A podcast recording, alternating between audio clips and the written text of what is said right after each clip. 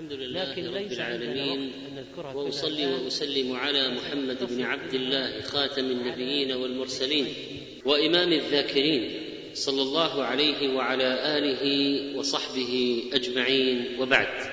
فقد تقدم فضل ذكر الله سبحانه وتعالى وأهميته وأنه ليس له حد معلوم. وأنه لا يسقط على الإنسان ما دام يعقل وأن أهل الذكر أسبق وأرفع وصلة الذكر بالعبادات وأنه طمأنينة وسكينة وبركة ونعمة وحياة للقلب. وإذا كثرت عليك شرائع الإسلام فاستعن به وأجره بلا حد.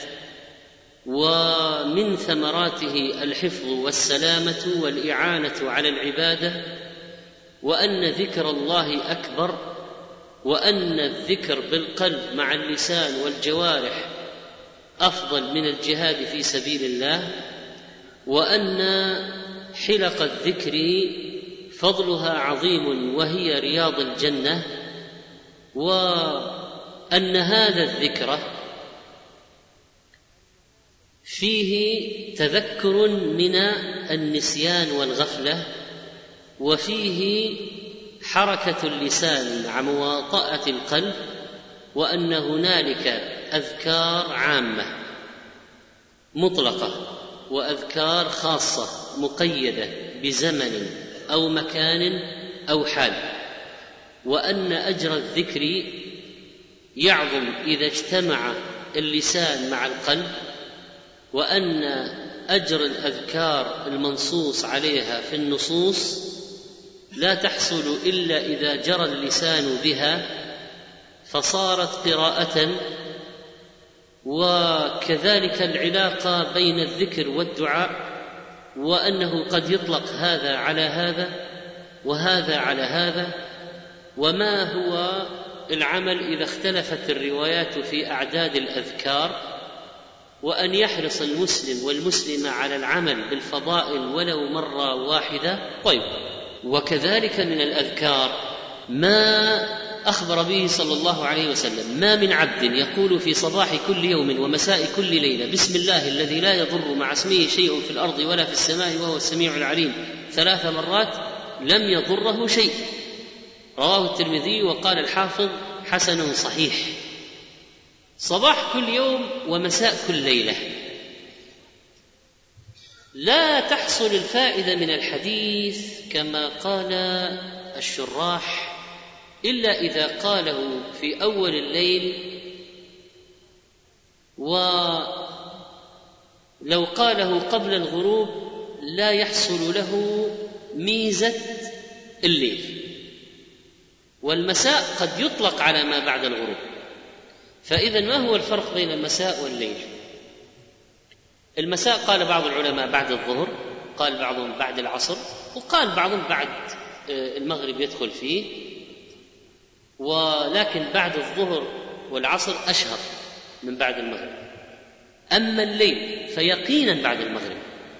ولذلك إذا كنت تريد أن تنال ميزة الذكر فاجعله واقعا في الوقت الذي نص عليه الحديث فهو يقول ما من عبد يقول في صباح كل يوم ومساء كل ليلة.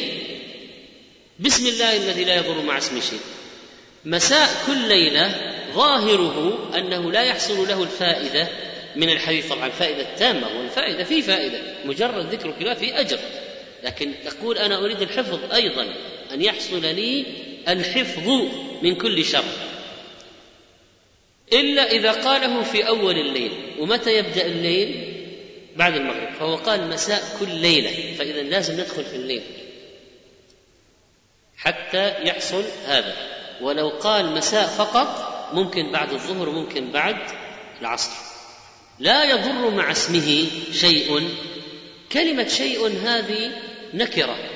في سياق لا يضر. في سياق النفي. تفيد العموم. اذا لا يضر مع اسمه شيء. طعام لأنه في ناس عندهم تسمم غذائي. شيطان من الإنس شيطان من الجن حيوان سبع عادي آه، سواء كان في العالم السفلي في الأرض ولا يأتي شيء من فوق كمطر وسيل أو صاعقة لا يضر مع اسمه شيء. شيء مطلقا في الأرض ولا في السماء لأن هذا الضرر ممكن يأتيك من أعلى كالصاعقة وممكن يأتيك من أسفل كالخسف والزلزال. وممكن قذيفة من أعلى وممكن لغم من أسفل كالمساكين الذين يعيشون في الحروب وتحت القصف. هذا ذكر مهم بالحقيقة في الأرض ولا في السماء وهو السميع العليم. من رواة الحديث رجل صالح اسمه أبان هذا أصابه طرف شلل فالج. نسأل الله العافية. لما حدث القوم بالحديث في المجلس واحد من المستمعين جعل ينظر إليه. يعني النظرة معناها أنت تقول يا شيخ إن هذا الحديث يحصن الواحد. ما يعني أنت فيك شلل يعني كيف؟ فقال له أبان ما تنظر؟ شوف سبحان الله العالم لما يحدث ينتبه لنظرات من يحدثهم ويعرف هي علامة استفهام هنا يقرأها على وجه المستمع من غير ما يتكلم. فقال له أبان ما تنظر؟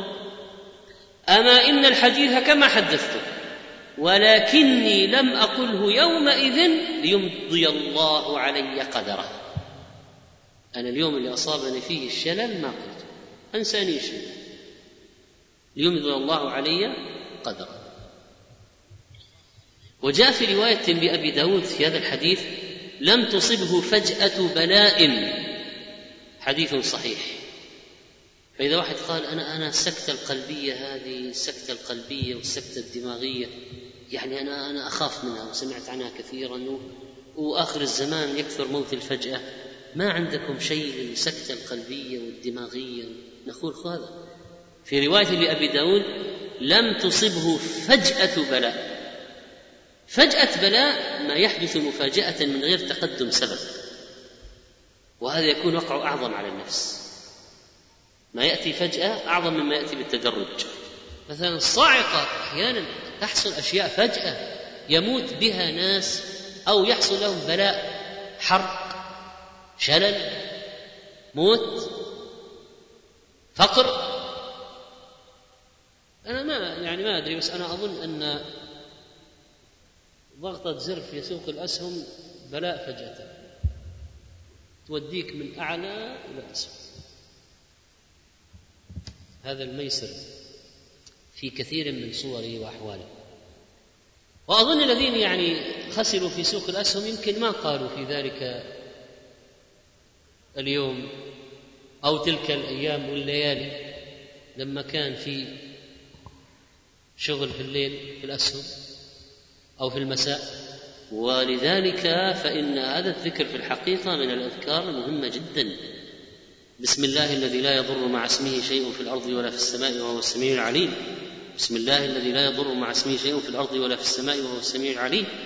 بسم الله الذي لا يضر مع اسمه شيء في الأرض ولا في السماء وهو السميع العليم. وعن عبد الله بن مسعود قال كان نبي الله صلى الله عليه وسلم إذا أمسى قال أمسينا وأمسى الملك لله والحمد لله لا إله إلا الله وحده لا شريك له له الملك وله الحمد وهو على كل شيء قدير. رب أسألك خير ما في هذه الليلة وخير ما بعدها وأعوذ بك من شر ما في هذه الليلة وشر ما بعدها. رب أعوذ بك من الكسل وسوء الكبر. رب أعوذ بك من عذاب في النار وعذاب في القبر. وإذا أصبح قال ذلك أيضا أصبحنا وأصبح الملك لله. رواه مسلم. أمسى الملك لله. طيب الملك لله أبدا. والحمد لله الحمد لله دائما وابدا. ليس فقط في الصباح ليس فقط في المساء. لكن هذا القائل يعبر عن حاله ويذكر نفسه صباحا ومساء بهذه الحقيقة التي يؤمن بها ويعبر عن التجائه لربه واستعانته به وأنه يخص ربه بالعبادة والثناء والشكر ويسأله خير ما في هذه الليلة. وهذا عام خير ما في هذه الليلة قد يكون علما وعبادة وطمأنينة وسكينة ومالا ونفعا. يكون أشياء كثيرة الخير خيري الدنيا والآخرة ويستعيذ من شر ما في هذه الليلة. كل ما في الليل من الشر مما يقع فيه فتأمل ما أجمعه. وعن أبي راشد الحبراني قال أتيت عبد الله بن عمرو بن العاص فقلت له حدثنا مما سمعت من رسول الله صلى الله عليه وسلم فألقى إلي صحيفة فقال هذا ما كتب لي رسول الله صلى الله عليه وسلم قال فنظرت فإذا فيها إن أبا بكر الصديق رضي الله عنه قال يا رسول الله علمني ما أقول إذا أصبحت وإذا أمسيت فقال يا أبا بكر قل اللهم فاطر السماوات والأرض. عالم الغيب والشهادة. لا إله إلا أنت رب كل شيء ومليكه. أعوذ بك من شر نفسي ومن شر الشيطان وشركه وأن أقترف على نفسي سوءا أو أجره إلى مسلم. رواه الترمذي وهو حديث صحيح. شر نفسي هواها أمرها بالسوء وهي أمارة. وقدم الاستعاذة من شر النفس على شر الشيطان لمزيد الاعتناء بأهمية تطهير النفس.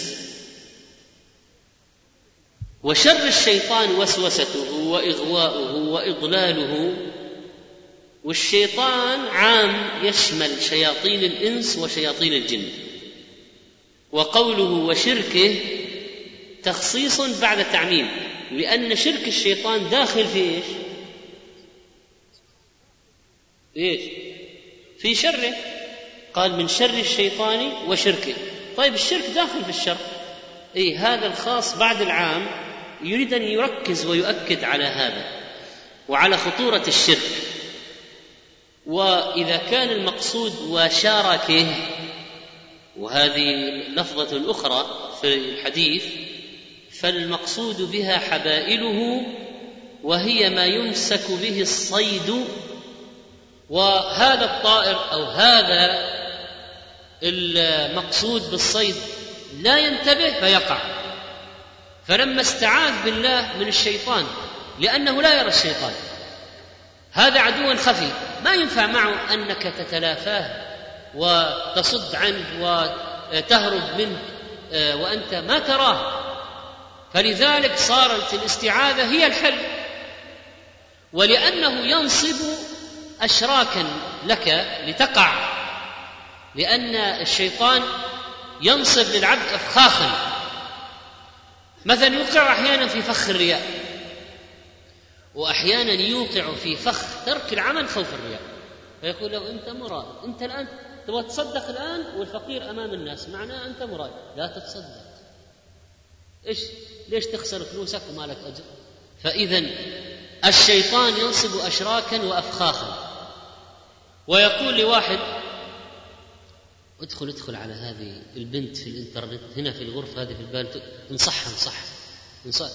بس لازم تنصحها يصير كلامك عشان تقبل من تصير فيه كلام اول تحسن العلاقه تسوي أول شيء كلام طيب ثم ادخل. الشيطان ينصب اشراكا. فيفاجأ الإنسان وقع أنه وقع في الفخ ولذلك أعوذ بك من شر نفسي وشر الشيطان وشركه أو وشركه. وأحيانا يريك الحق باطلا والباطل حقا ليوقعك. وأحيانا يغريك بالمفضول عن الفاضل. إذا ما استطاع أن يوقعك في شرك ولا في بدعة ولا في كبيرة ولا في صغيرة تلازمك فماذا سيطمع منك بأن يشغلك بمفضول عن الفاضل؟ أقل شيء. وإذا ما أمكنه أجلب عليك بإيذاء من حولك لك ليشوشوا عليك ويفتنوك. ولذلك لزمت الاستعاذة منه. هذا هو الحل. طيب الشرك متى يقع فيه الصيد؟ عادة إذا كان الصيد من طائر وغيره بغفله بغفله فالشيطان ينصب لك شركا وأنت غافل فيوقعك في أشياء. ولذلك قال من شر الشيطان وشركه والأشراك التي ينصبها الشيطان للعباد كثيرة جدا. أشراك يأخذك على حين غرة. واحد يطلق فجأة وما كان أصلا ناوي الطلاق ولا خطر بباله ولا أراده. لكن تفاعلت أشياء فجأة وإذا به يخرج كلمة الطلاق في لحظة هكذا قرر يطلق وطلق. استدرجه الشيطان شرك والشيطان يقول لأتباعه ماذا فعلت أنت؟ ماذا فعلت أنت؟ له عرش على البحر في مكان ما في العالم إبليس. ويرسل سرايات كل يوم وإذا رجعوا يحاسبهم يرفعون إليه تقارير يومية. الشياطين عملنا كذا وعملنا كذا وعملنا كذا ويستعرضهم. يعني الشيطان عنده إدارة وعنده متابعة. ترفع اليه تقارير يومية من مبعوثيه وكل واحد يعرف كل واحد ماذا فعل. أنت إيش يقول؟ أنا فعلت كذا كذا. أنت ما صنعت شيئا. وأنت يقول أنا جعلته يقع في كذا وجعلته يقع. ما صنعت شيئا. حتى يقول له واحد من الشياطين ما تركت حتى فرقت بينه وبين زوجته فيقول أنت أنت. هذا خراب البيوت وكم واحد وقع فيه؟ فينبغي على الأزواج أن يتفطنوا من شرك الشياطين. وكذلك ما تشتهي النفس وتغتر به الشيطان يسهل عليه أن يصيد وينصب شركا به. وحبائل الشيطان تسويلاته وتزييناته التي يري بها العبد الباطل حقا والقبيح حسنا. هذه من الشرك في خداع. يزين لك القبيح. وعن جويرية رضي الله عنها أن النبي صلى الله عليه وسلم خرج من عندها بكرة حين صلى الصبح وهي في مسجدها. ثم رجع بعد أن أضحى وهي جالسة فقال ما زلت على الحال التي فارقتك عليها؟ قالت نعم. قال النبي صلى الله عليه وسلم لقد قلت بعدك أربع كلمات ثلاث مرات لو وزنت بما قلت منذ اليوم لوزنتهن. سبحان الله وبحمده عدد خلقه ورضا نفسه وزنة عرشه ومداد كلماته. سبحان الله وبحمده عدد خلقه ورضا نفسه وزنة عرشه ومداد كلماته. فهي أربع كلمات. عدد خلقه ورضا نفسه وزنة عرشه ومداد كلماته وتعاد ثلاث مرات. الحديث يقول بكرة يعني أول النهار من طلوع الفجر. وجويرية في مسجدها ما معنى مسجدها؟ ما هو مسجد المرأة؟ المكان الذي أعدته للصلاة في بيتها. هذا هو مسجدها كلما دخل عليها زكريا المحراب وسمي المحراب محرابا لأن المصلي فيه يحارب الشيطان. إذا يؤخذ من مشروعية إعداد وتعيين مكان في البيت للصلاة لأهل البيت نساء ورجالا. تحدد لك مكان في البيت أبعد ما يكون عن الضجيج والضوضاء ونظيف وطاهر طيب. وفي ما يصبر الإنسان على العبادة أو على المكث من جو معتدل. هذا المكان اتخاذه وردت به أدلة. حتى موسى عليه السلام قال لقوم أن يجعلوا اتخذوا من بيوتهم قبلة. والنبي عليه الصلاة والسلام لما زار أنس وزار بعض الأنصار آه، طلب منه أن يصلي لهم في مكان يتخذوه. مسجدا لهم ومريم كلما دخل عليها زكريا المحراب وجد عندها رزقا هذه مكان عبادة وهذا المكان بعيد عن مثلا نجاسات الأطفال. آه اذا اتخاذ مكان للعبادة حتى الرجل إذا رجع ليصلي سنة الراتبة في البيت أو قبل ما يذهب المسجد سنة الراتبة أو قيام الليل أو صلاة الضحى. أو الفريضة إذا فاتته يصليها جماعة بأهل بيته. إذا جعلت لك مكان للصلاة والعبادة في بيتك تقرأ فيه القرآن هذا جيد. ولما خرج عليها وهي في مسجدها على هيئتها جالسة في الضحى وسألها ما زلت على الحال التي فارقتك عليها؟ وأنت في هذا المكان؟ نعم أجابت. فأخبرها بذكر يفوق ما قالته مما يدل على فضله. لوزنتهن يعني عادلتهن أو زادت عليهن. ويؤيد هذا لفظ ماجه لقد قلت بعدك كلمات ثلاث مرات هي أكثر وأرجح مما قلت وصححه الألباني. ومداد كلماته المداد بمعنى المدد والمدد ما كثر الشيء. قل لو كان البحر مدادا لكلمات ربي وكلمات الله لا نهاية لها. فالمراد أن التسبيح والحمد لا يحددان بعدد ولا مقدار كمداد كلماته تعالى. وذكر النبي صلى الله عليه وسلم هذه الأمور الأربعة على جهة الكثرة التي لا تنحصر. وذكر مع الخلق والعرش العدد والوزن. لاحظ. لاحظ الحديث. سبحان الله وبحمده عدد خلقه. عدد الخلق لهم عدد. طيب. وزنة عرشه العرش له وزن معين. الله أعلم به. لكن رضا نفسه ومداد كلماته. هل لها عدد معين أو وزن معين؟ لا.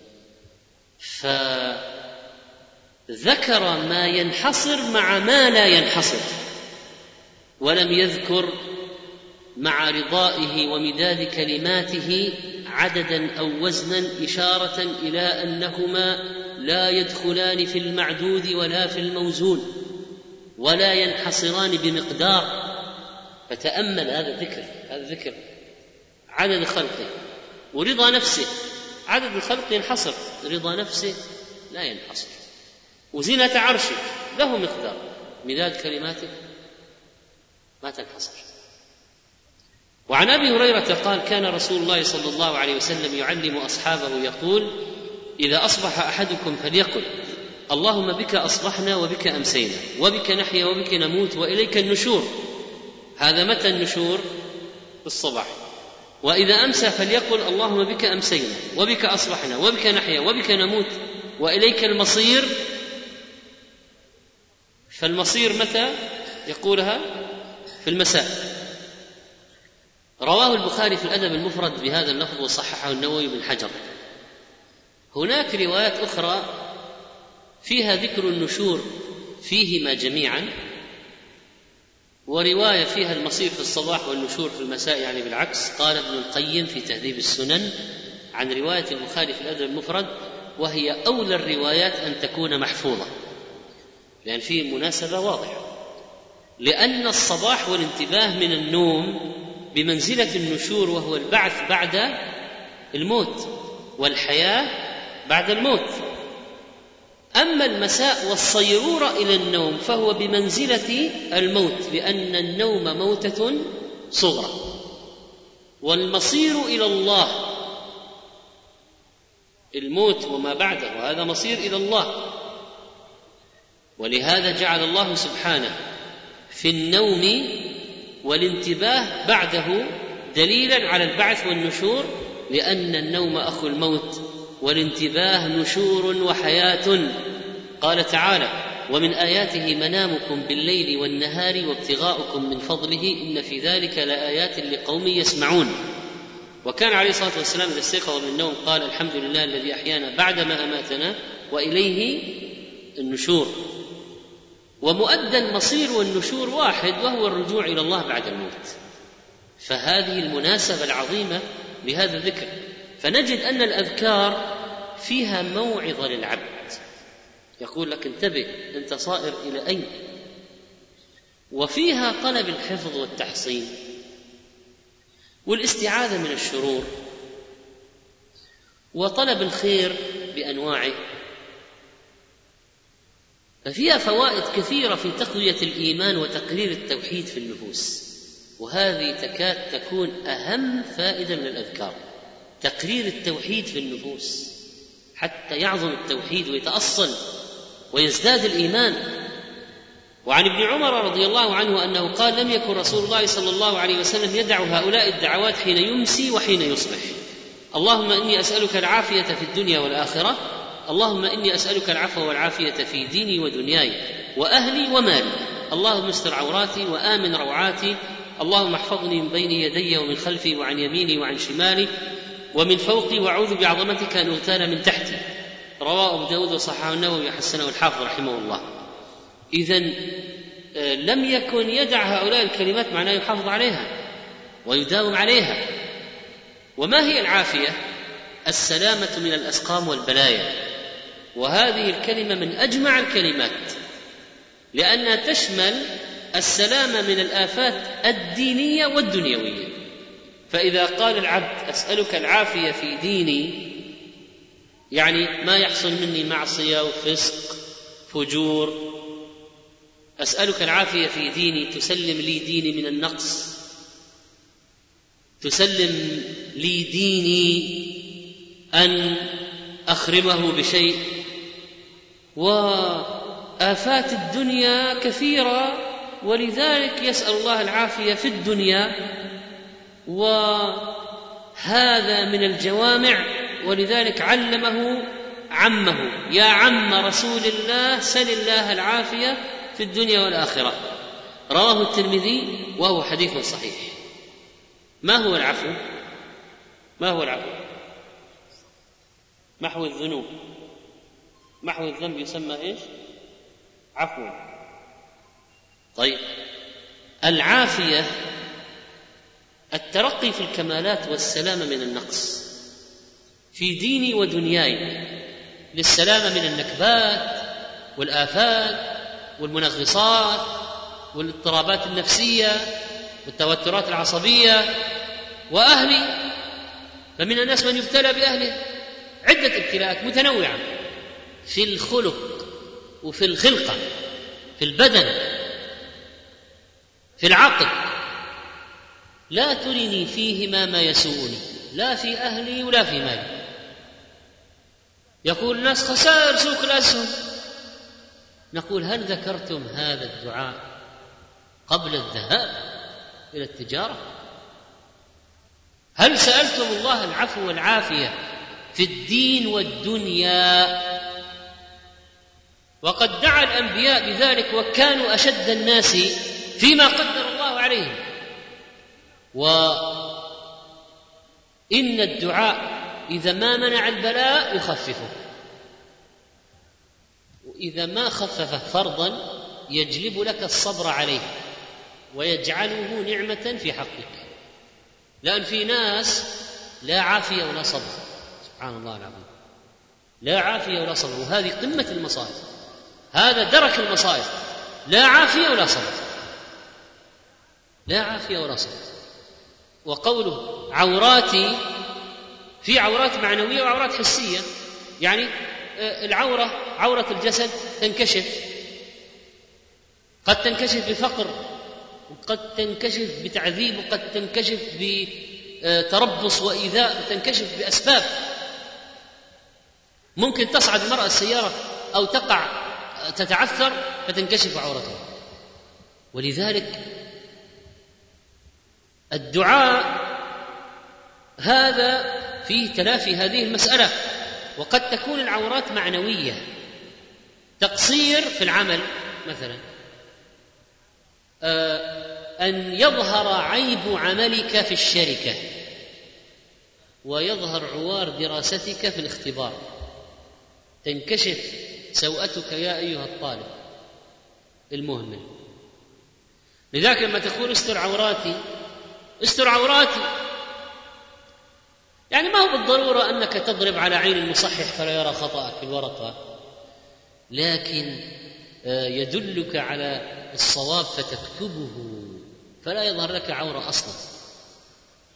وليس آه، المقصود أنه لابد يكون لك عورة ولكن تغطى. فقد يحصل. ومن الذي لا يسلم من عورة؟ فإذا وجدت أن تبقى مغطى لأن كشفها يضر الإنسان ويؤذيه. وإذا آه، كان المقصود أن لا تقع أصلا ولا تحصل هذه العورة فيكون تماما على تمام. وروعاتي الفزعات آمن روعاتي فزعاتي وناس يفزعهم الليل وناس يفزعهم اللص وناس يفزعهم المجرمون وناس تفزعهم الديون وناس تفزعهم هواتف في الليل وشياطين وناس تفزعهم دواب. فتسبب روعة مفاجأة مفاجأة. وآمن روعاتي. تأمل ليش ما قال عورتي وروعتي؟ لأن العورات كثيرة والروعات كثيرة. وأنواع متعددة. ولذلك جمع بأسلوب الجمع. استر عوراتي وآمن روعاتي. اللهم احفظني يدفع عنك البلاء من جهاتك الست. لأنها تصل إليك عبر أحدها. يا من الأمام يا من الخلف يا من اليمين يا من اليسار يا من تحت. يعني لو أخذنا مثلا حوادث سيارات. إذا جاء الحادث إما ان يأتي من الأمام صدمة وجها لوجه. أو يأتي من الخلف صدمة. أو يأتي من جنب يمين. أو من شمال. أو يقع في حفرة يجي من تحت. أو تقع عليه مصيبة من فوقه. قال واحد هذا الحادث صار جسرين فوق بعض. جاء متهور عند المنحنى في الجسر الأعلى. وما استطاع يأخذ اللفة وطاح. سقط على سيارة تحته من فوق جاء قال واحد والله يا جماعة مشكلة المراية هذه نشوف فيها المراية نحط نشوف وراء العيون نشوف قدام مراية اليمين مراية الشمال بعد مشكلة الواحد لازم يعني. ما في مرايات للأعلى وصعب حتى لو حطيت فتحة السقف مكشوفة أنك تنظر الأعلى ما في حل إلا الدعاء يعني عمليا ما في ما لها حل. حتى لو حطوا مراية الواحد يضيع في المرايات وقد يسهو يغفل ولذلك ما أسباب يعني الأسباب في أسباب لكن ما ما تمشي ما تعمل دائما. وإذا أراد الله شيئا وقفت الأسباب. إذا أراد الله وقوع شيء وقفت الأسباب. والفرق بيننا وبين الماديين الدنيويين أن الماديين الدنيويين يحسبوها من كل جهة طيب لازم يعني البشر يطلع نقص يطلع خطأ في شيء ما عمل حسابه في شيء كذا فتقع المصيبه بالرغم من الاحتياطات. نعم يعني تقل الم... تقل النسبة بس تقع. الدعاء هذا يعني يقيك الأشياء غير المحسوبة أيضا. غير المحسوبة هذه مهمة جدا. في خسائر غير محسوبة في أشياء مصائب غير متوقعة. وآمن روعاتي طيب لما دعا من الجهات الست قال وأعوذ بعظمتك أن أغتال من تحتي. الاغتيال ما هو الفرق بينه وبين القتل العادي؟ الاغتيال قتل مع خديعة. قالوا في شرحه أن يقتل في موضع لا يراه أحد. يسمى أيضا اغتيال. إذا قتل في موضع لا يراه أحد اغتيال. وكذلك يقتل من موضع غير ما هو متوقع مفاجئ اغتيال. الدنيا فيها نكبات وتنغيص معيشة. والآن كثير من الناس يشتكون ارتفاع الأسعار غلاء الأسعار خسائر في الأسهم. بعضهم يقول يعني نحن في ضيق ماذا نفعل؟ وهذا يقول يعني يسرق طاسة سيارة ولا أسطوانة غاز ويشتري كيس خبز لأولاده يغطوه في بيالة شاهي. يقول لا عندك أسهل من سرقة أسطوانة غاز وطاسة كفر سيارة.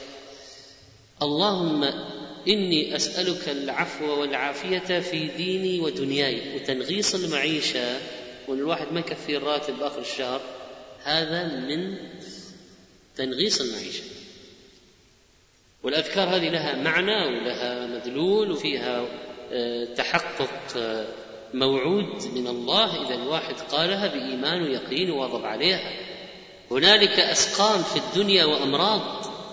ثم قال أستر عوراتي. يعني عيوبي وتقصيري. وآمن روعاتي فزعاتي وخوفي. ارفع عني الخوف. وجمع بين عورات وروعات. إشارة إلى كثرتهما ما قال عورتي وروعتي عوراتي وروعاتي. اللهم احفظني ادفع عني البلاء. وذكر الجهات الست. الأمام خلف يمين شمال فوق تحت. ومن أين ستأتي المصيبة؟ إلا من جهة من هذه الجهات. وأعوذ بعظمتك أن أغتال من تحتي لأن الذي يأتي من تحت هذا من الافات الرديئه جدا. قال بعضهم الخسف زلزال اغتيال مع خدعة. قال بعضهم في تعريفه أغتال من تحت أن يقتل في موضع لا يراه فيه أحد. يؤخذ على الحين غرة. وعن أبي هريرة أنه قال جاء رجل إلى النبي صلى الله عليه وسلم فقال يا رسول الله ما لقيت من عقرب لدغتني البارحة؟ قال أما لو قلت حين أمسيت. أعوذ بكلمات الله التامات من شر ما خلق لم تضرك. رواه مسلم. وقال عليه الصلاة والسلام من قال حين يمسي ثلاث مرات. أعوذ بكلمات الله التامات من شر ما خلق لم يضره حمة تلك الليلة. وحسنه الحافظ في نتائج الأفكار. وقال سهيل راوي الحديث شوف التربية الإسلامية في البيوت. قال سهيل سهيل من أبي صالح من السلف الصالح لأن أباه أبو صالح من كبار المحدثين والعلماء والتابعين الاخذين عن أبي هريرة. فسهيل بن أبي صالح عن أبي صالح عن أبي هريرة. قال سهيل فكان أهلنا تعلموها. الأهل في البيت. فكانوا يقولونها كل ليلة. فلدغت جارية منهم بنت صغيرة. فلم تجد لها وجعا. حفظوها في البيت للكبير والصغير. ففي بنت لدغتها عقرب وما وجدت لها وجع.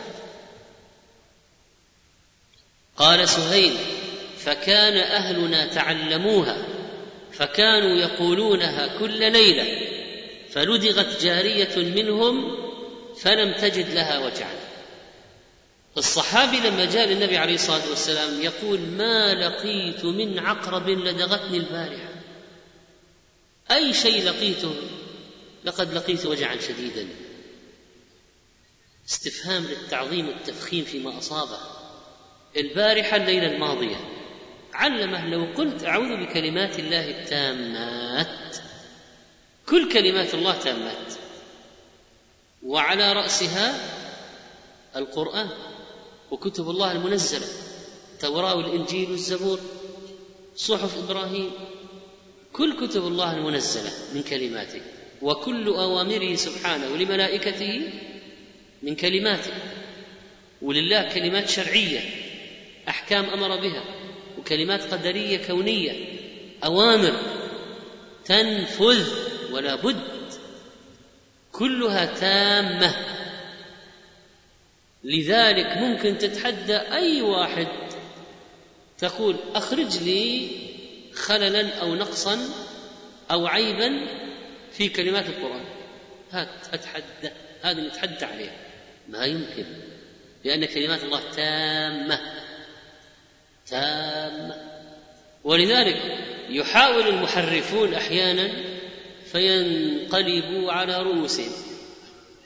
كالذي كان يعتقد بعقيدة المعتزلة أن القرآن مخلوق أن كلام الله هذا مخلوق. فمر على رجل من أهل السنة ينسخ المصاحف. قال ماذا تفعل؟ قال أنسخ المصحف. قال ماذا تنسخ الآن؟ قال قوله تعالى وكلم الله موسى تكليما. وكلم الله موسى تكليما. من الذي تكلم؟ الله عز وجل. كلم من؟ من المخاطب؟ موسى. قال ضعها وكلم الله موسى. هذا معتزلي ضال ما يرضى أن يقول إن الله يتكلم. فأراد أن يحرف فقال للناسخ اجعلها كلم الله موسى. يعني موسى هو الذي تكلم. لينفي الكلام عن الله. وخلي لفظ الجلالة مفعول به. قال يا مجنون وماذا أفعل بقوله تعالى ولما جاء موسى لميقاتنا وكلمه ربه؟ وهذه شو نسوي فيها؟ فتجد سبحان الله في ثنايا الكتاب العزيز الرد على أهل الباطل. جاءت شبهة من هنا أو من هنا. فيأتي الرد نقذف بالحق على الباطل فيدمغه فإذا هو زاهد. ولكم الويل مما تصفون. أعوذ بكلمات الله التامة. الآن يعني قضية تصور أنت تستعيذ بماذا؟ هذا مهم لأن الإنسان إذا أراد أن يحتمي بشيء يدخل في حصن حصين يدخل في ملجأ منيع. فهل تعلم هل تعلمين مناعة هذا الحصن والملجأ الذي ندخله عندما نقول هذه الكلمات؟ أعوذ بكلمات الله التامة. لا يتطرق إليها عيب ولا يلحقها نقص. تامات من شر ما خلق. ما خلق. إيه، من العقلاء وغير العقلاء ومن الدواب ومن الناس ومن الجن ومما يرى ومما لا يرى. والشر الصغير والشر الكبير والشيء القاتل والشيء الجارح والشيء. من شر ما خلق. ممكن يكون جوال وما أكثر الشرور في الجوالات. من شر ما خلق. ممكن الجوال يسبب لك مشكلة في الأذن أو في الدماغ. بعض الملبوسات والمصنوعات والمأكولات فيها أضرار. يقول هذه الشاشة فيها إشعاعات وعملي أنا على الشاشة والعيون تتأثر والأعصاب تتأثر والعمود الفقري من كثرة الجلوس يتأثر. من شر ما خلق. قال لم يضره شيء. قالوا يشمل حتى النفس والهوى.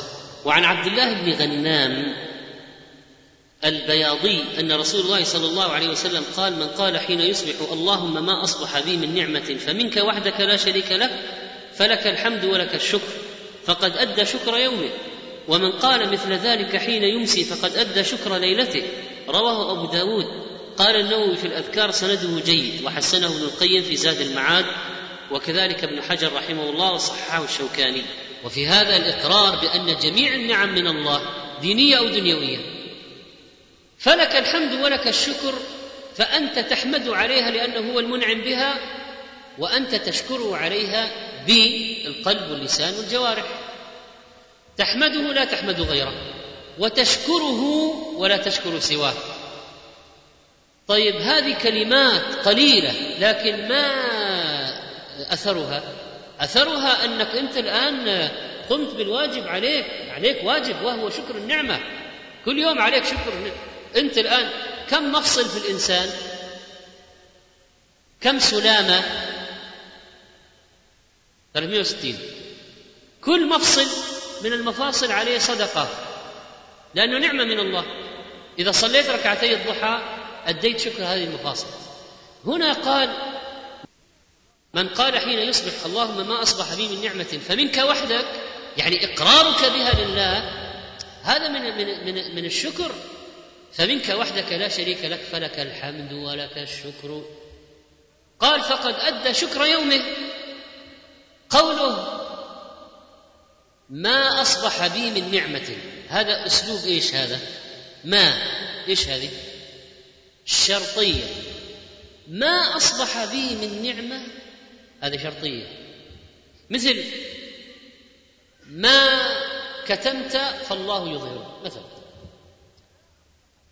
ما أصبح بي من نعمة لأن ترى فهم فهم أن هذه ما إيش نوعها مهم. ما أصبح بي من نعمة فمنك وحدك. هي صح تدل على الشمول لكن هي شرطية.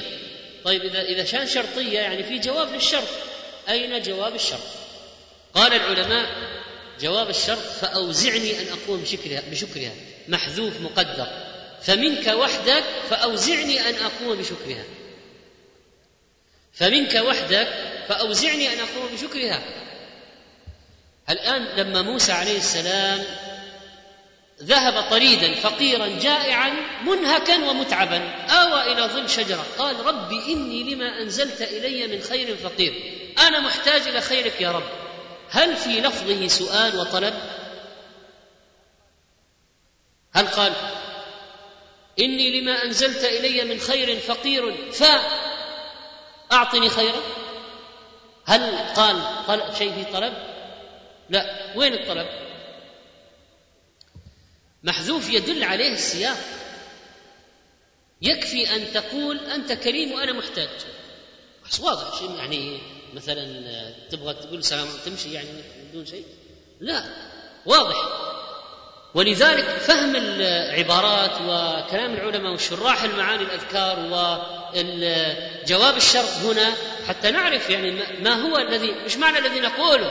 لأننا كثيرا ما نقول هذه الأذكار ولا نعرف من معناها إلا القليل.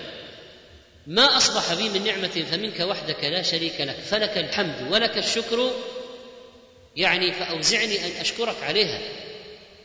كما في الفتوحات الربانية. والأذكار طبعا كثيرة. ومعرفة معانيها مهم جدا. وفيه الإقرار بأن جميع النعم من الله. فلك الحمد ولك الشكر. إذا كانت النعم منك وحدك فها أنا أنقاد لك وأخصك بالحمد والشكر فلك الحمد لا لغيرك ولك الشكر لا لأحد سواك. الذي يقول هذا أدى شكر ليلته لأن كل واحد منا عليه أن يشكر الله يوميا. ولذلك قال فمنك وحدك نسبة النعمة إلى المنعم مطرنا بإيش؟ بفضل الله ورحمته وليس بنوء كذا وكذا. نسبة النعمة إلى المنعم فمنك وحدك ما هو بذكائي وعبقريتي انسب إلى الله. ربحت نجحت قل بفضل الله ورحمته. انسب إلى الله النعمة فمنك وحدك وهذا يدل على التوحيد. انظر كيف الأذكار تعلم العبد التوحيد ونسبة النعمة للمنعم. وأوزعني أن أقوم بشكرها. هذه منك وحدك. ماذا بقي؟ أن تشكره عليها. وعن أنس بن مالك أن رسول الله صلى الله عليه وسلم قال من قال حين يصبح أو يمسي اللهم إني أصبحت أشهدك وأشهد حملة عرشك وملائكتك وجميع خلقك أنك أنت الله لا إله إلا أنت وأن محمدا عبدك ورسولك. أعتق الله ربعه من النار. فمن قالها مرتين أعتق الله نصفه ومن قالها ثلاثا أعتق الله ثلاثة أرباعه فإن قالها أربعا أعتقه الله من النار. رواه أبو داود وغيره وسنده فيه ضعف ولكن له شاهد حسنه به الحافظ في نتائج الأذكار. وقال النووي في الأذكار سنده جيد وحسنه ابن القيم في زاد المعاد وأشار ألباني إلى ضعفه في السلسلة. وكذلك الذي قبله في ضعيف أبي داود. لكن الواحد يأخذ أيضا آه، كلام العلماء الكبار والمحدثين في الحكم على الأحاديث أيضا ممن تقدم. وليس فقط من المعاصرين يجمع كلام المحدثين ليتبين له الحكم على الحديث. أشهدك أجعلك شاهدا على إقراري بوحدانيتك في الألوهية والربوبية. وهذه تأكيد الشهادة في صباح كل صباح ومساء وتعني هذه الكلمة أن قائلها ليس من الغافلين. يشهد الله وحملة عرشه وملائكته. أليس حملة العرش من الملائكة؟ فإذا هذا خاص قبل العام وتعميم بعد تخصيص. وجميع خلقك تعميم آخر لأن الملائكة من الخلق. فهو آه، خص حملة العرش ثم قال الملائكة ثم قال وجميع خلقك. وعن أبي عياش أن رسول الله صلى الله عليه وسلم قال من قال إذا أصبح لا إله إلا الله وحده لا شريك له له الملك وله الحمد وهو على كل شيء قدير. كان له عدل رقبه من ولد إسماعيل وكتب له عشر حسنات وحط عنه عشر سيئات ورفع له عشر درجات وكان في حرز من الشيطان حتى يمسي وإن قالها إذا أمسى كان له مثل ذلك حتى يصبح. رواه أبو داود وصححه النووي في الأذكار والحافظ في نتائج الأفكار. عدل رقبة. هل يصلح أن نقول عدل؟ رقبة كسر العين الجواب نعم. كلا الوجهين صحيح. طيب الذي يقول لا إله إلا الله وحده لا شريك له له الملك وله الحمد وهو على كل شيء قدير.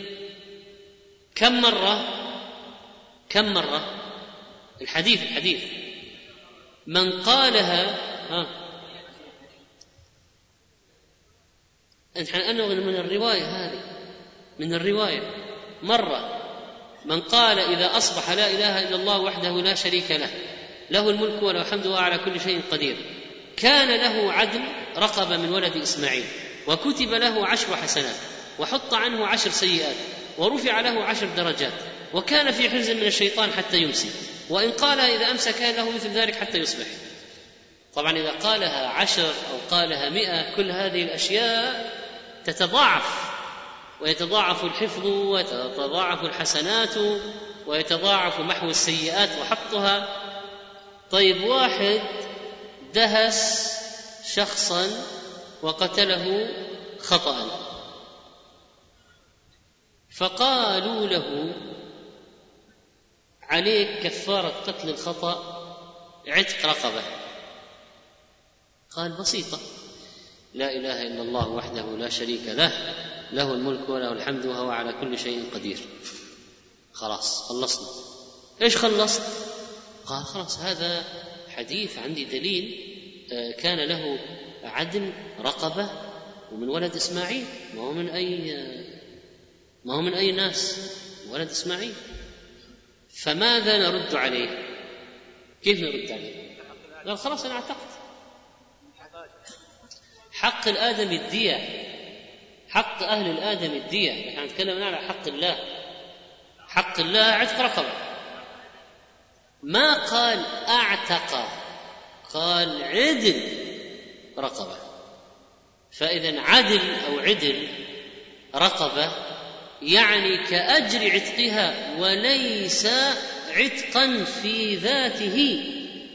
ليس عتقا. لكن أجره كأجر العتق. فإذا عدل الشيء للشيء لا يلزم أن يقوم مقامه. هذه قاعدة.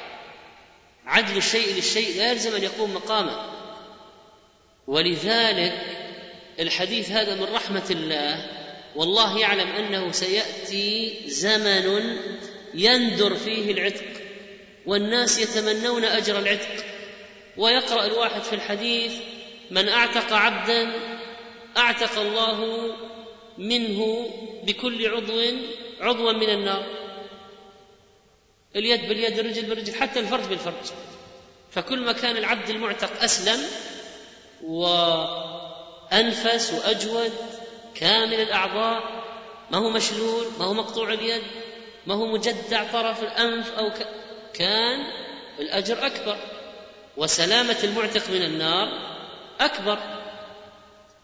فقال يقول بعض الناس كيف لنا بأجر العتق في هذا الزمان؟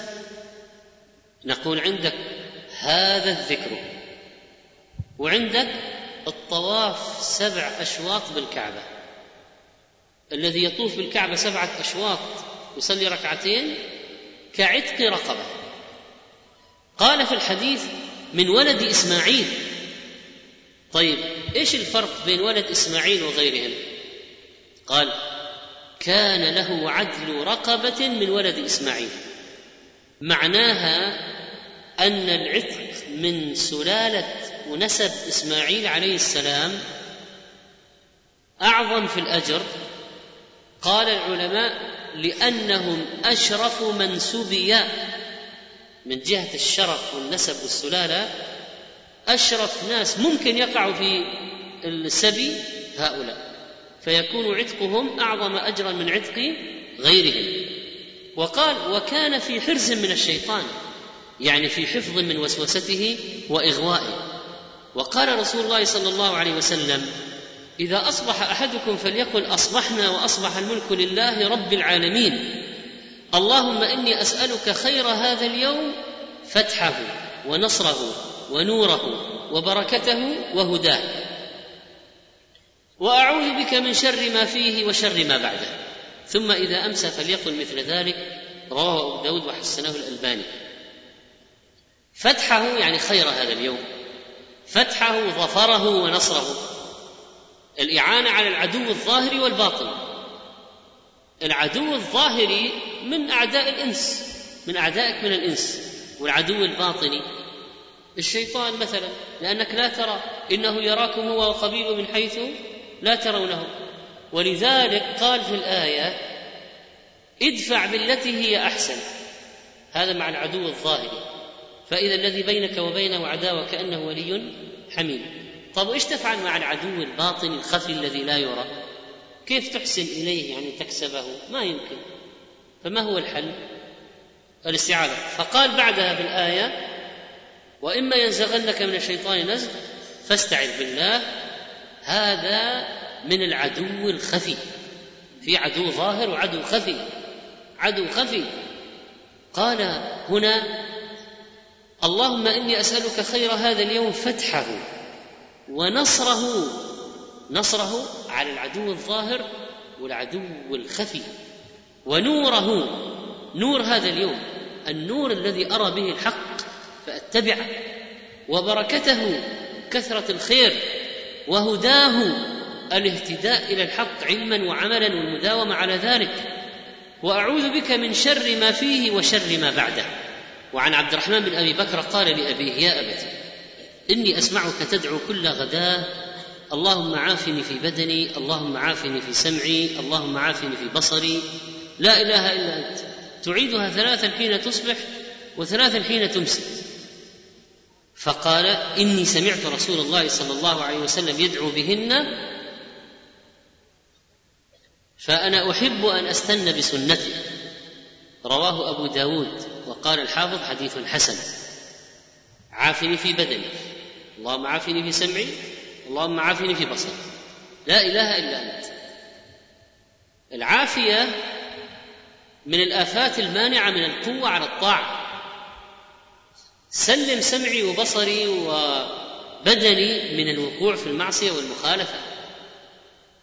ليس فقط عافني في الحواس يعني أن لا أصاب بالعمى ولا أصاب بالصمم ولا أصاب بالمرض لا ليس هذا فقط. وإنما أيضا عافني في سمعي فلا أسمع حراما عافني في بصري فلا أنظر إلى حرام عافني في بدني فلا أرتكب به حراما.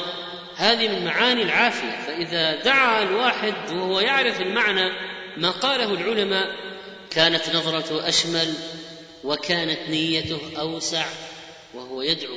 والله يعطيك على نيتك وعلى خشوعك وعلى تفكرك وعلى استحضارك لهذه المعاني عند الدعاء.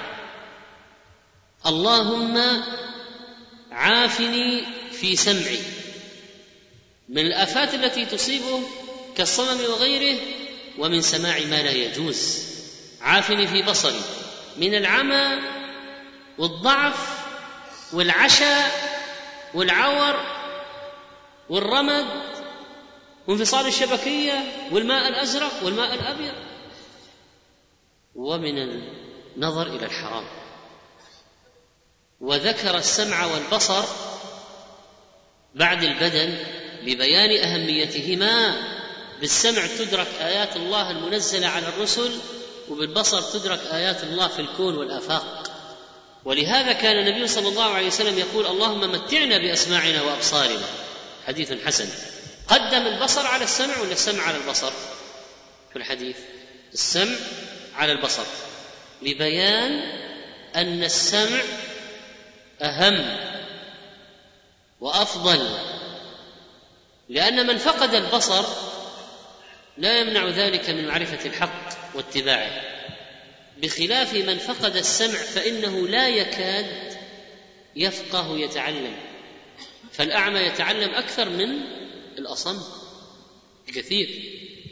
أما إجابة المؤذن فالذكر هذا يرتبط بزمن الصلاة. ولا زلنا في أذكار الأزمان. نحن الآن نمشي بالترتيب. أذكار الأزمان أذكار المكان وأذكار الأحوال. عن أبي سعيد الخدري أن رسول الله صلى الله عليه وسلم قال إذا سمعتم النداء فقولوا مثل ما يقول المؤذن. رواه البخاري.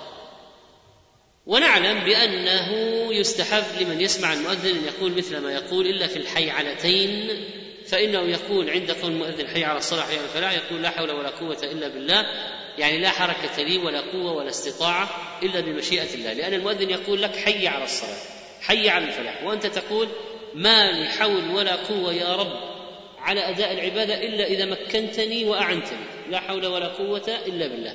هذه العلاقة بين لا حول ولا قوة إلا بالله وبين حي على الصلاة حي على الفلاح.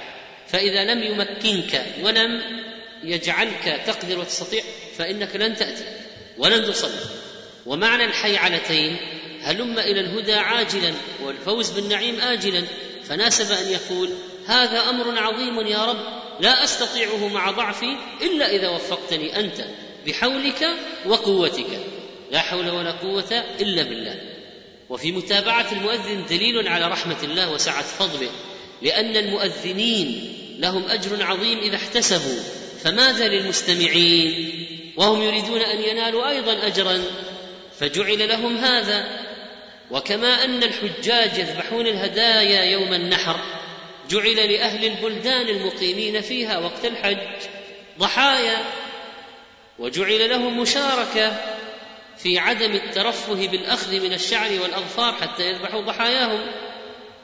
وأما تأثير لا حول ولا قوة إلا بالله فإنه عظيم لما تعلمه من كمال التفويض والتبرؤ من الثقة بالنفس والاعتماد على حول الإنسان وقوته. بل تسليم الأمر لله. وعدم منازعته فيه. وهكذا فإنه ما ينزل ملك من السماء ولا يصعد إليها إلا بلا حول ولا قوة إلا بالله. وهذه الكلمة لها تأثير عظيم في طرد الشيطان. والله المستعان. فائدة اشتهر عند الناس ختم الحوقله بالعلي العظيم. لا حول ولا قوة إلا بالله العلي العظيم. وثبت في صحيح مسلم ختمها بالعزيز الحكيم. فعن سعد قال جاء أعرابي إلى رسول الله صلى الله عليه وسلم فقال علمني كلاما أقوله. قال قل لا إله إلا الله وحده لا شريك له الله أكبر كبيرا والحمد لله كثيرا. سبحان الله رب العالمين لا حول ولا قوة إلا بالله العزيز الحكيم. رواه مسلم. مرة أخرى. علم الأعرابي. قل لا إله إلا الله وحده لا شريك له. الله أكبر كبيرا والحمد لله كثيرا. سبحان الله رب العالمين.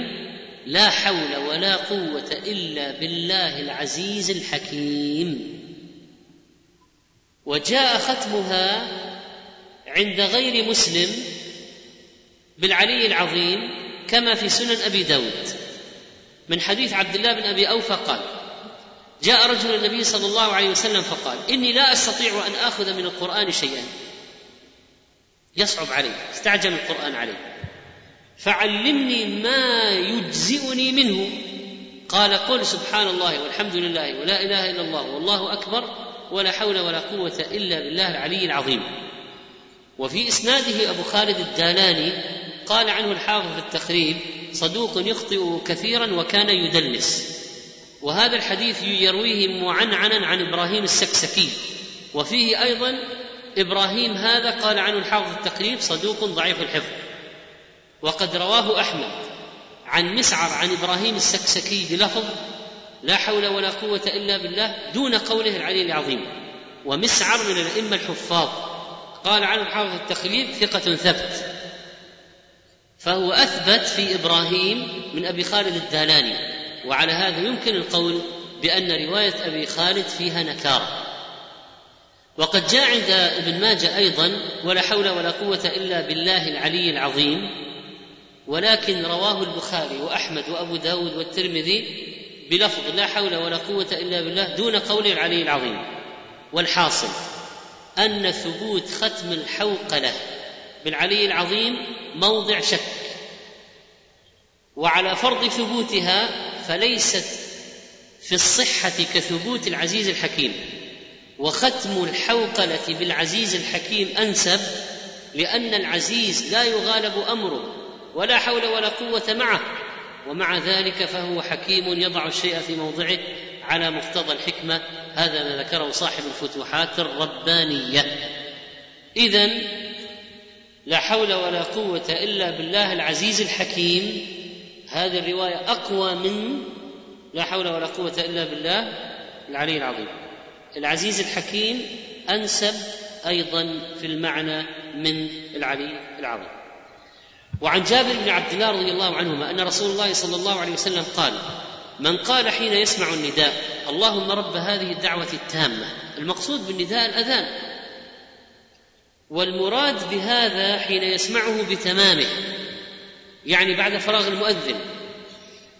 اللهم رب هذه الدعوة. لماذا سمي الأذان دعوة؟ لأنه في الحقيقة دعوة إلى الله لأنه دعوة إلى الصلاة.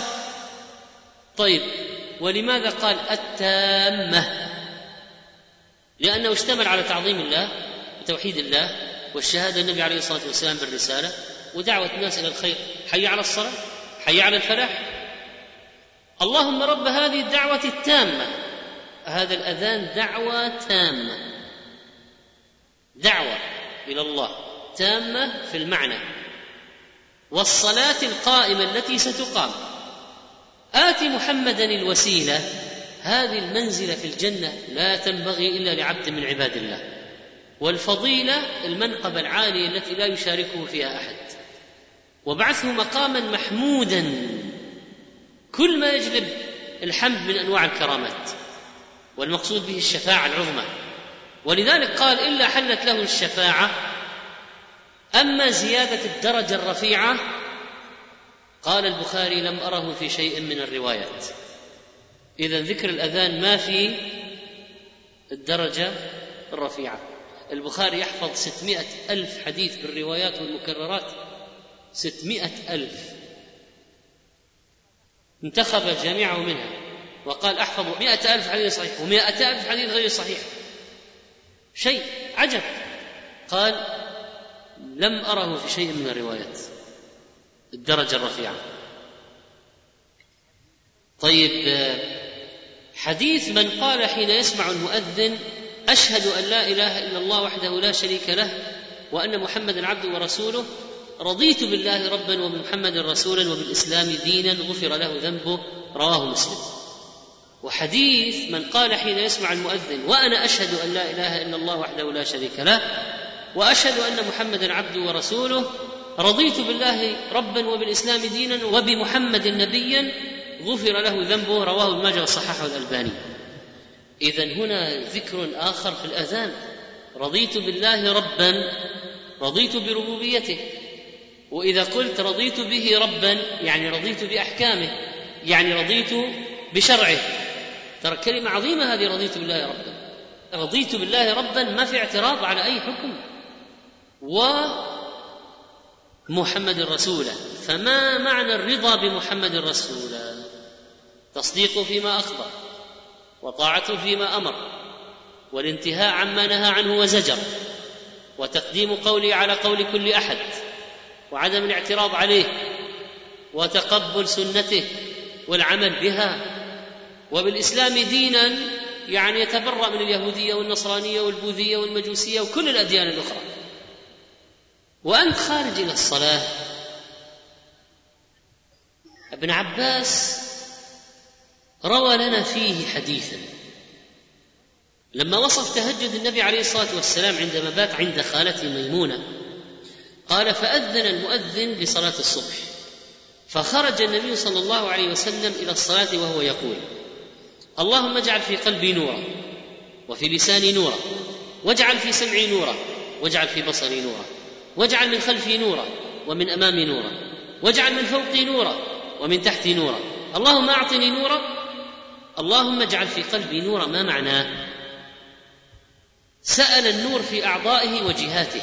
نلاحظ الحديث هذا في قسمان أعضاء وجهات. مثلا قلب لسان سمع بصر والجهات خلف أمام فوق تحت. أعضاء وجهات. حتى لا يزيغ شيء منها عنه. ويكتمل النور. وهذا الدعاء يقوله الذاهب إلى المسجد وهو في غاية المناسبة لأن النبي عليه الصلاة والسلام قال والصلاة نور. فلما كانت الصلاة نورا للمسلم في الدنيا والآخرة كان من المناسب وهو ذاهب إلى الصلاة أن يسأل الله أن يعطيه أكثر وأوفر ما يكون من النور وأن يضاعف له حظه منه.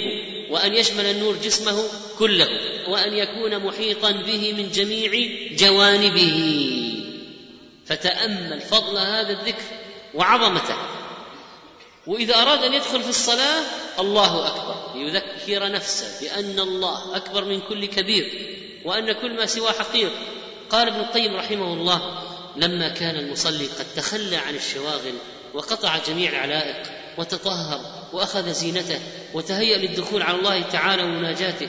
شرع له أن يدخل عليه دخول العبيد على الملوك فيدخل بالتعظيم والإجلال بأبلغ لفظ يدل على هذا المعنى وهو قول الله أكبر.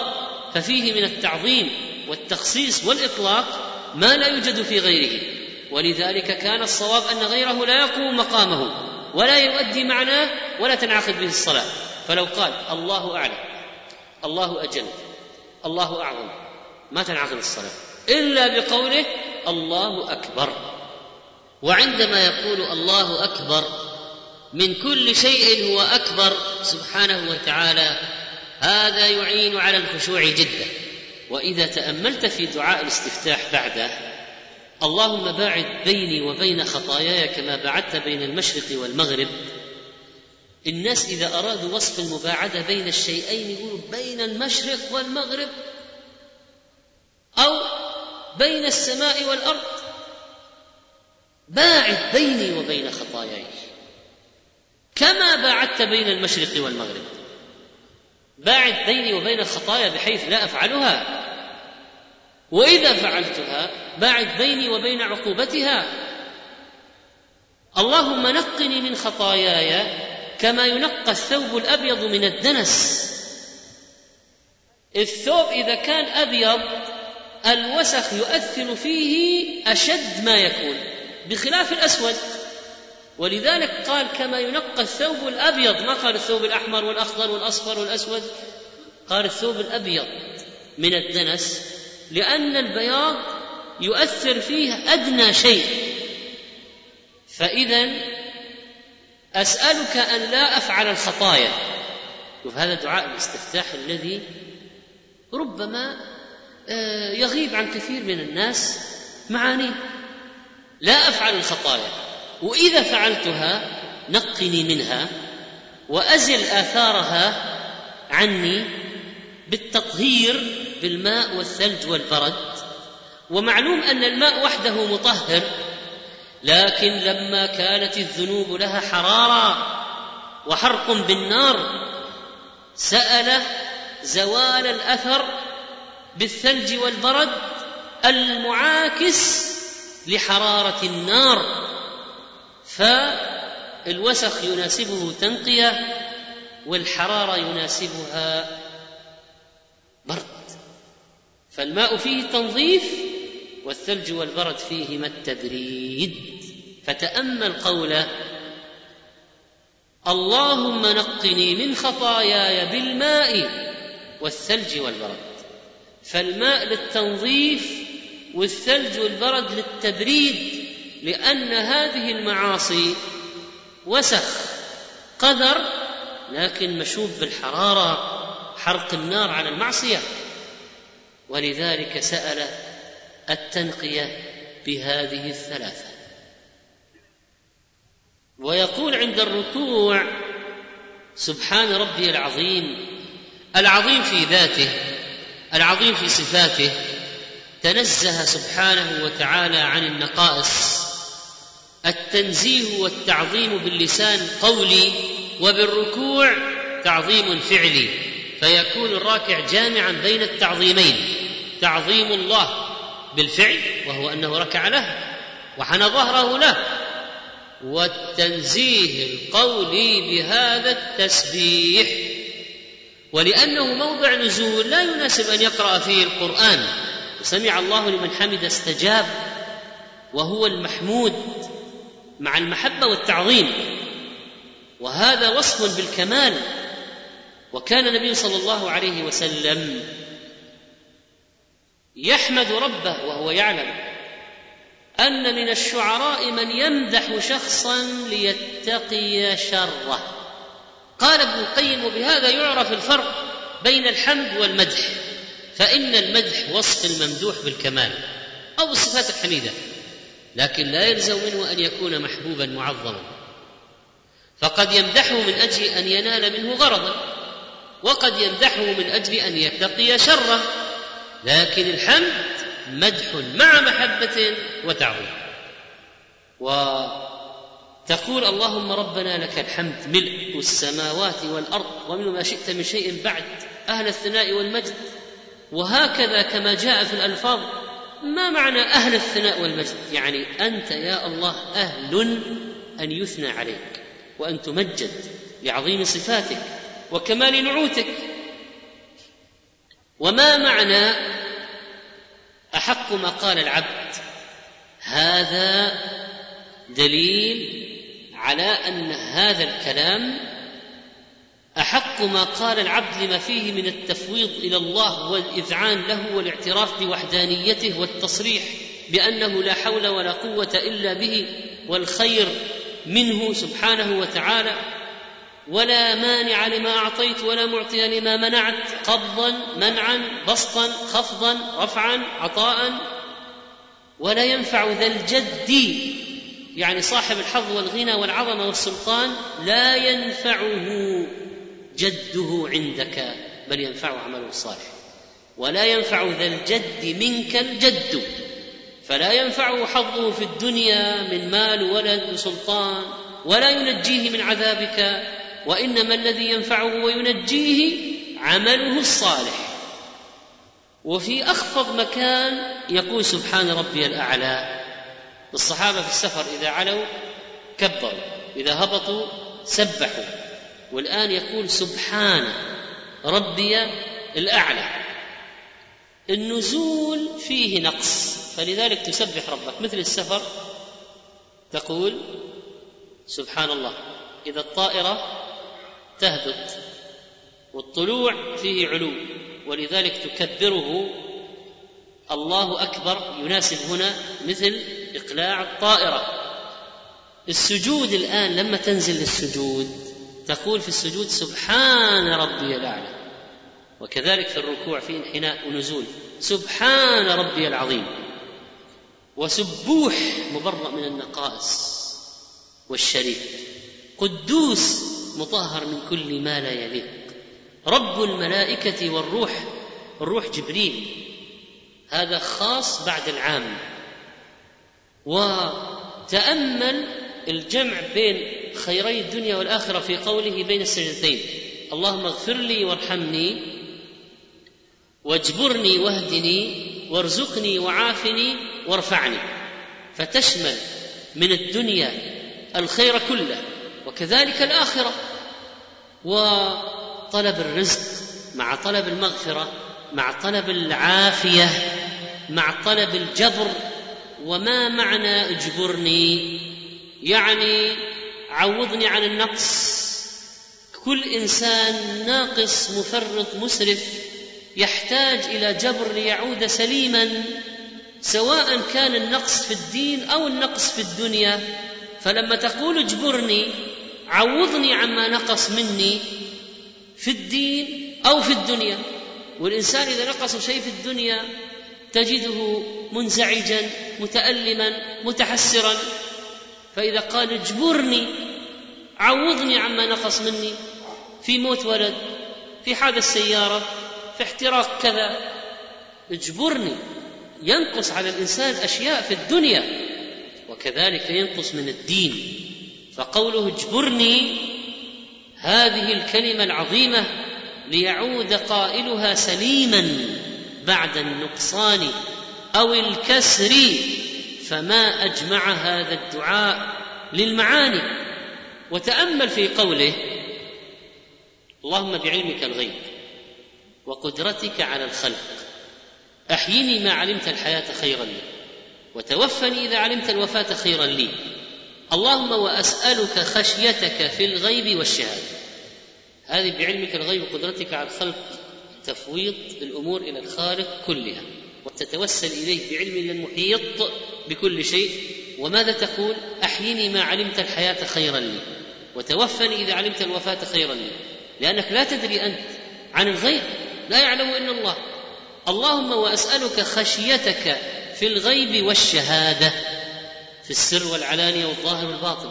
وكلمة الحق في الرضا والغضب لأن الإنسان إذا غضب كثيرا ما يقول الباطل ويجانب الصواب ولذلك ليس فقط في الرضا وحتى في الغضب يسأل الله قول الحق. لأن قول الحق في الغضب عزيز نادر.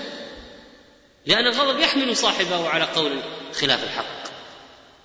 والجور والظلم وأسألك القصد في الفقر والغنى توسط والاعتدال فإذا كان فقيرا لم يقتر خوفا من نفاذ الرزق وإن كان غنيا لم يسرف ويبذر. وبعض الناس يخشى أن تضيق عليه الأحوال فيتصرف تصرفات أحيانا غير مرضية. قبل يومين واحد قال لي أنا أريد أن زوجتي تجهض. لماذا؟ ليه؟ قال والله عندي ولد ما أظن أستطيع اتحمل الثاني. فيها نفقات كشفيات ولادة حليب حفايض أطفال. فبعض الناس صار الآن يريد ما هو ما هو فقط منع الحمل يريد الإجهاض. يقول ما هذه فيها مصاريف. طبعا إذا نهت فيه الروح هذا قتل وقبله لا يجوز الاجهاض عند جمهور العلماء إلا إذا صار ضرر على الأم وعلى خشية على حياة الأم هذه قضية أخرى. لكن الدافع الآن ما هو قضية حياة الأم وخشية على حياة الأم. قضية يقول مصاريف. أنا أبغى تجهض المرأة مصاريف. ما عدنا نتحمل. أسألك القصد في الفقر. واحد ما تصرف تصرفات خاطئة إذا ضاقت عليه الدنيا. وخشيه نفاذ الرزق. خلاص نحن نرزقكم وإياهم. نرزقهم وإياكم. وأسألك نعيما لا ينفد. نعيم الآخرة. وقرة عين لا تنقطع. وهي الصلاة ونعيم الجنة والنظر إلى وجه الله يوم الدين. هذه محبة الله وذكر الله هذه قرة العين التي لا تنقطع. الطاعات. وأسألك الرضا بعد القضاء.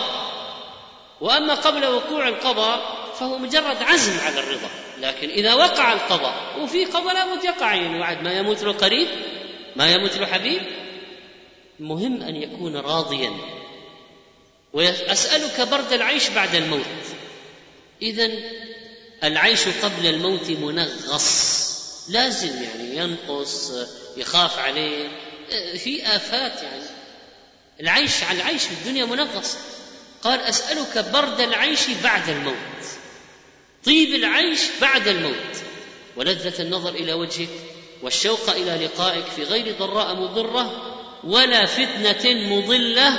اللهم زينا بزينة الإيمان واجعلنا هداة مهتدين. جمع في هذا الدعاء بين أطيب شيء في الدنيا وهو الشوق إلى لقاء الله وأطيب شيء في الآخرة وهو النظر إلى وجه الله. ولكن تمام هذا النعيم يتوقف على عدم وجود ما يضره في دنياه أو يفتنه في دينه. ولذلك قال في غير ضراء مضرة ولا فتنة مضلة. اللهم زينا بزينة الإيمان وهذا يشمل زينة القلب بحسن العقيدة وزينة اللسان بالذكر والتلاوة وزينة الجوارح بالأعمال الصالحة. زينا بزينة الإيمان. واجعلنا هداة مهتدين. نهدي أنفسنا ونهدي غيرنا. وهذه من أفضل الدرجات. وتجد السلام مختتم به الصلاة. والسلام من أسماء الله. قال ابن القيم فيكون مفتتحا لصلاته باسمه تعالى ومختتما لها باسمه الله أكبر السلام عليكم. فيكون ذاكرا باسم ربه أول الصلاة وآخرها. فأولها باسمه وآخرها باسمه. فدخل فيها باسمه وخرج منها باسمه مع ما في اسم السلام من الخاصية والحكمة المناسبة لانصراف المصلي بين يدي الله ما دام في صلاته فهو في حمى الرب ولذلك يسأل السلامة من الآفات والبلايا والمحن. يسأل السلامة من الشيطان ومصائده. يسأل السلامة من كل أذى وشر. وإذا سلم في الصلاة يقول السلام عليكم. على الملائكة أو على من بجانبه من المصلين أو عليهما جميعا. عليهما جميعا. السلام عليكم ورحمة الله. السلام عليكم ورحمة الله. عن يمين ملك وعن يسار ملك. وفي صلاة الجماعة عن يمين مصلي وعن يسار مصلي. فهو للجميع ونختم هذا الدرس بذكر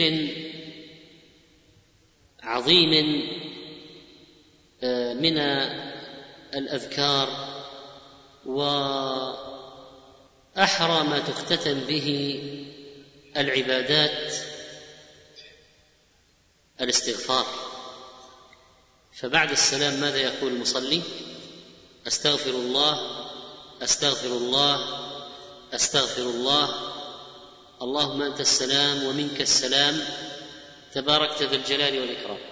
بعض الناس يقولون عليك السلام وهذا خطأ فظيع لأن الله هو السلام. كيف يكون عليه السلام؟ اللهم أنت السلام ومنك يأتينا السلامة من النقص والعيب والآفات والشرور. أنت السلام ومنك السلام.